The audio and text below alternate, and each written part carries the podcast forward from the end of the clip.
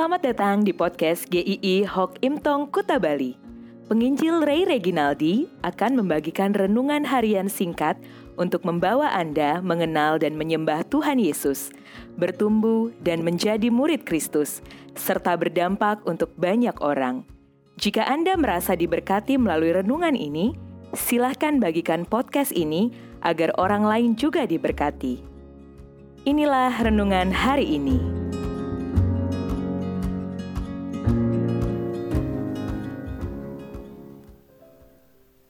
Jauhkanlah kami dari yang jahat.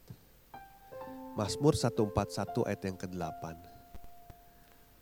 Tetapi kepadamulah ya Allah Tuhanku, mataku tertuju, padamulah aku berlindung, jangan campakan aku. Apakah hari ini Anda sudah berdoa? Masih ingat apa doa yang Anda ucapkan tadi? Bersyukur untuk makanan, memohon penyertaan Tuhan, diberi kesehatan, dicukupkan kebutuhan hari ini, diperlancar di dalam pekerjaan, juga ditolong dari pergumulan. Mungkin itu isi doa kita hari ini. Itu baik, berarti Anda menggantungkan hidup Anda kepada Tuhan. Namun ada satu hal yang kadang luput dari doa kita. Apakah Anda dapat menebaknya?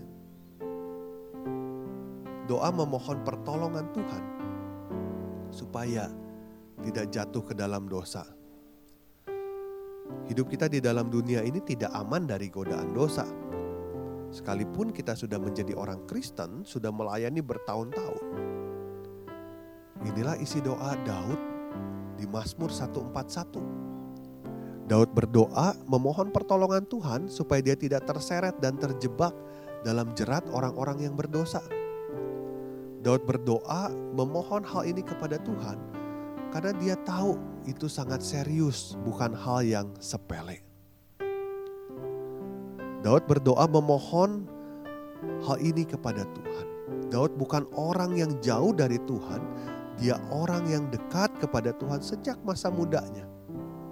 Namun dia menyadari bahwa hidupnya pun sama rentannya dengan orang lain untuk jatuh ke dalam dosa Godaan itu tidak pernah berhenti. Datangnya pun kadang tanpa diduga. Caranya begitu variatif. Kadang sangat tidak terasa. Menyeretnya perlahan-lahan tanpa disadari. Bahaya yang sama mengancam Anda dan saya juga. Setiap hari sangat mungkin iblis menggoda kita untuk kita jatuh ke dalam dosa. Dalam kenyataan seperti ini Daud menyadari bahwa dengan kekuatannya sendiri dia tidak akan mampu untuk menghadapinya. Inilah dasar Daud berdoa kepada Tuhan karena dia tahu hanya Tuhan yang sanggup untuk menolongnya. Dari ayat 3 sampai ke 4 Mazmur 141 ini, Daud memohon penyertaan Tuhan untuk mengendalikan mulutnya, hatinya, perbuatannya. Semua bagian yang biasa membuat seseorang jatuh ke dalam dosa dari hati atau pikiran, perbuatan, dan perkataan. Coba kita renungkan. Tidak mudah untuk kita selalu menjaga pikiran, perkataan, perbuatan tidak jatuh ke dalam dosa. Kadang-kadang kita coba-coba ah sedikit-sedikit saja. Tapi lama-lama kita tidak sadar sudah terjerat begitu dalam. Keadaan sehari-hari yang kita hadapi kadang membuat kita tidak bisa mengontrol akan pikiran, perbuatan, perkataan kita. Kita membutuhkan pertolongan Tuhan untuk hal ini. Daud bukan bersikap pasrah saja. Dia menyadari punya tanggung jawab. Maka di ayat kelima dia berkata, biarlah orang benar memalu dan menghukum aku, itulah kasih. Tetapi janganlah minyak orang fasik menghiasi kepalaku.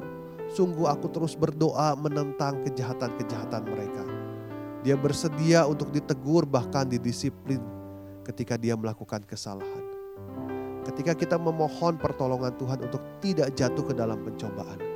Di sisi lain kita pun harus terbuka untuk ditegur bahkan didisiplin.